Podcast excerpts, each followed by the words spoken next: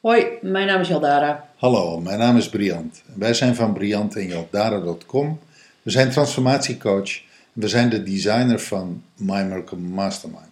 En vandaag gaan we het hebben over schuldgevoel maakt ziek. Ja, als je voortdurend je schuldig voelt over iets, eh, dan heeft dat een negatieve invloed op je gezondheid. Eh, je stress, dat levert op een niveau levert het stress op. Nou, dat weten we. Het stresshormoon cortisol wordt, wordt aangemaakt door je lijf. Dat is, eh, dat is niet best. Slecht. Bijvoorbeeld, om je een idee te geven, eh, we hebben het er al over gehad. Stel dat je voortdurend eh, geldschulden hebt. En met die geldschulden dat er geldzorgen komen. Dat betekent dat je voortdurend je schuldig voelt over een rekening die niet betaald is, een rekening die te laat betaald is. Om een voorbeeld te geven, hè, waar kun je in het leven schuldgevoel aan opleveren? Nou ja, geeft ook slapeloze nachten. geeft slapeloze nachten. Dus je kunt zien dat dat, dat geeft een, op een niveau geeft dat spanning. Als je daar jaar in jaar uit aan wordt blootgesteld, nou je kunt je voorstellen, dat, is, dat kan niet goed voor je zijn. Oh, sterker nog, ehm, je amygdala die krimpt ook. Dat is bij overspannenheid. Hè? Ja, maar als je het hebt, ik kwam er even op ten aanzien van stress. Als je voortdurend onder die stress komt, hè, dus als je schuldig voelt. eh, we hebben natuurlijk eerder, ehm, eh, in een paar, paar podcasts terug, heb het al gezegd van schuld, schaamte, geheim. Eh, dat, is, dat is wel een, een, een clustertje. Ehm, stress kan je daar gewoon, in het kader van gezondheid, kan je daar stress gewoon één op één bijvoegen. Ehm, en daar hoef je niet direct overspannen van te worden. Maar als jij, wat jij net schetst, als jij jaren onder eh, die spanning leeft, ehm, onder dat stukje stress leeft, ehm, ja, misschien word je dan uiteindelijk niet overspannen. Maar ik denk dat dat dus wel iets met je hersencapaciteit doet hoor. Ja. Dat, nou ja, het doet, het doet in ieder geval iets met je gezondheid. Waar ik opeens aan moet denken is, wat, wat, ik kom dat fenomeen vaak tegen in, eh, in therapiesessies met mensen, dat er op een moment eh, vraag ik mensen, wat is eigenlijk het grootste geheim in jouw leven wat je nog nooit aan iemand verteld hebt? Er is een moment in de, in de sessie, in, de, in, de, in het proces, waarin ik dat kan vragen en ook mag vragen. En waarop die ander ook zeg maar eraan toe is om daar antwoord op te geven. En heel vaak is dat dus een geheim wat ze nog nooit aan iemand verteld hebben. Dus dat is een heel oud jeugdgeheim. Vaak heeft dat te maken met een, eh, een seksuele eh, ervaring met een volwassene of een Mhm. oudere Mhm. of een broer of een zus. Of dat heeft te maken met mishandeling, of dat heeft te maken met alcoholisme van de ouders, van een van de ouders of beide ouders, eh, mishandeling. Vaak zijn het die drie gebieden. Dus, Mhm. dus eh, eh, seksualiteit, mishandeling en alcoholisme.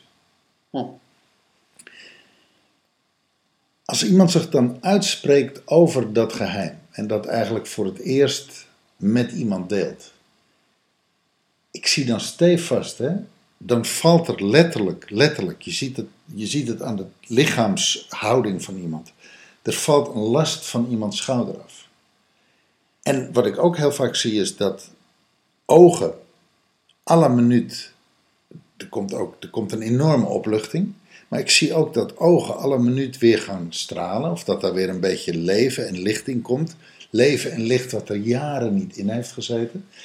En letterlijk dat er ook weer kleur op de huid komt.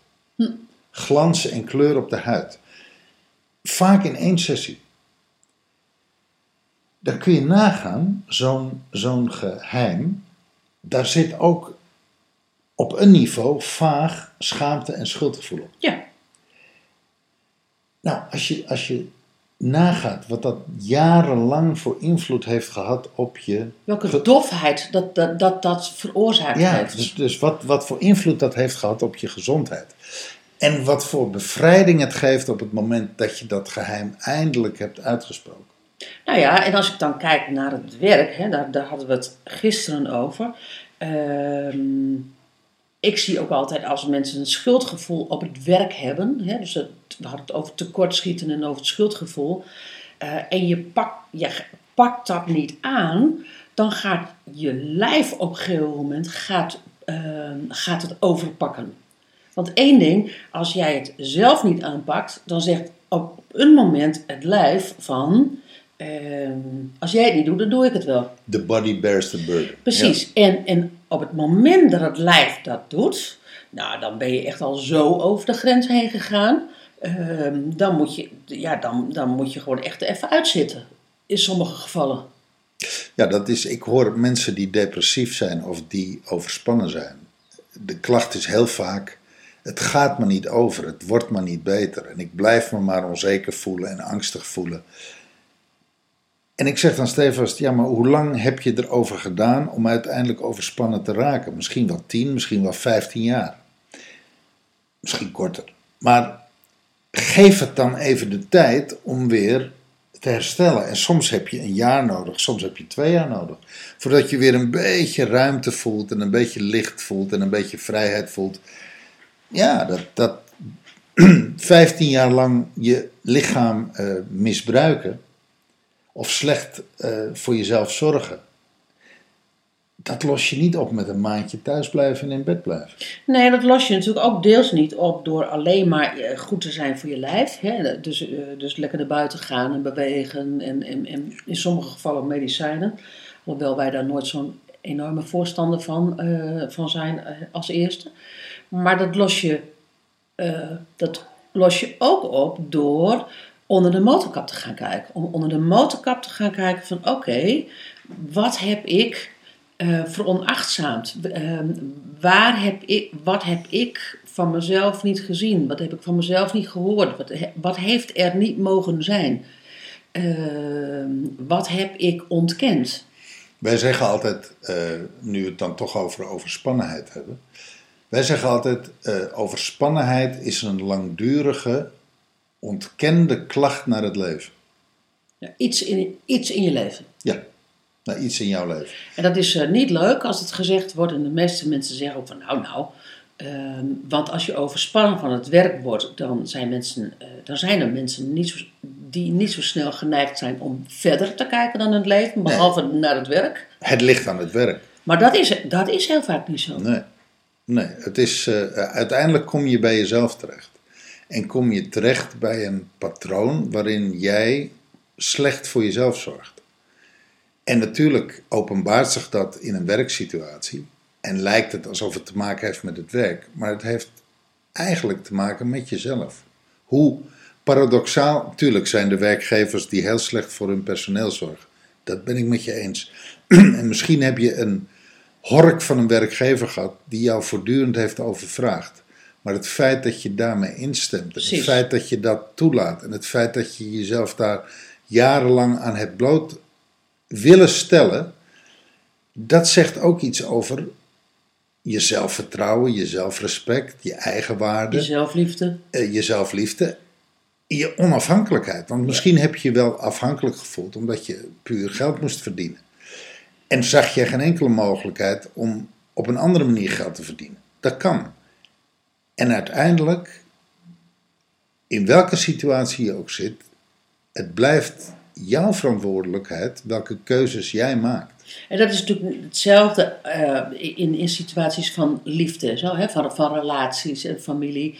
Van wat maakt dat je erin blijft zitten? Wat maakt dat je je afhankelijk maakt? eh, maar in ieder geval die, die klacht naar het leven, de, de, de voortdurende klacht naar het leven, die moet je onderzoeken als, als het gaat over schuldgevoel maakt ziek. Ja. Ja. Om even naar het thema van deze podcast te gaan. Nou ja, inderdaad. We hebben het over een klacht. Nou, een klacht is vaak boosheid.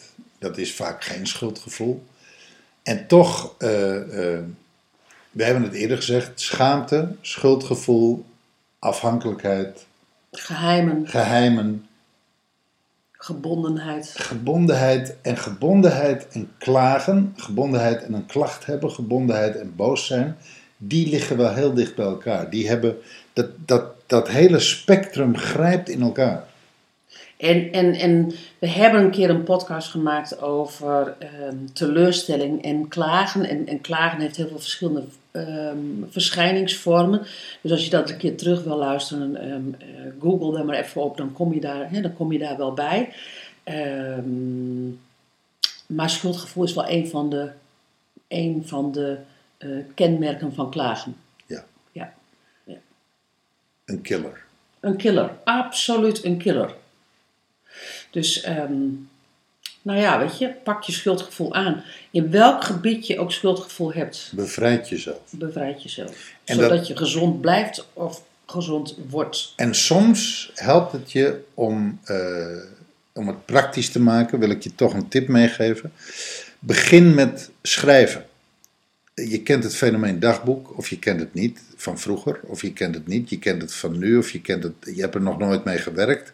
Maar begin, eh, koop een speciaal boekje, of koop een schriftje, weet ik veel, bij de, bij de HEMA. En begin gewoon met schrijven. En schrijf eens op datgene wat je normaal aan niemand vertelt en waar je met niemand over praat. En waar je je rot over voelt. Waar je misschien wel voor schaamt, waar je misschien wel boos op bent, waar je misschien wel schuldig over voelt. Begin dat op te schrijven.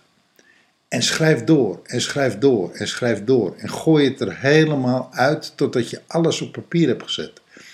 De gifbeker moet leeg. Heel bevrijdend.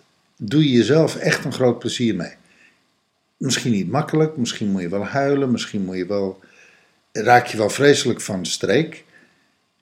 En schrijf dat dan ook maar op. En blijf doorschrijven. En dan komt er een moment, dan voel je de opluchting. En dan voel je, hé, dit is eigenlijk best lekker. Om dat dus even allemaal op papier te zetten. En misschien is dan wel een volgende stap om datgene wat je hebt opgeschreven hardop te lezen. Aan jezelf voorlezen. Dat is een volgende stap. Dat is weer, dat is weer, dan gebeurt er iets heel anders met je als dat je het alleen maar opschrijft. En voor de echtmoedigen onder ons is dan misschien wel een volgende stap. Lees het eens voor aan iemand die je vertrouwt. Aan iemand waarvan je denkt van als ik het aan jou voorlees, dan komt het goed. Dan, dan is dat in goede, veilige handen. En dan heb je het gedeeld met een persoon in je leven die belangrijk voor je is. Met een dierbare. Dat heeft weer een heel ander eh, gevolg. Nou ja, weet je, kijk eens of, of je die reis kan maken. Begin met opschrijven eh, voor jezelf. Begin met hardop voorlezen aan jezelf. En misschien voor de echtmoedige de volgende stap. Lees het voor aan iemand die je vertrouwt. Want het delen maakt het delen van je verhaal maakt je gezond. Het binnenhouden van je verhaal maakt ziek. Ja. Nou, dan hebben we eigenlijk alles gezegd over dit thema. Ja, voor, voor nu in ieder geval wel. Ja. Ja.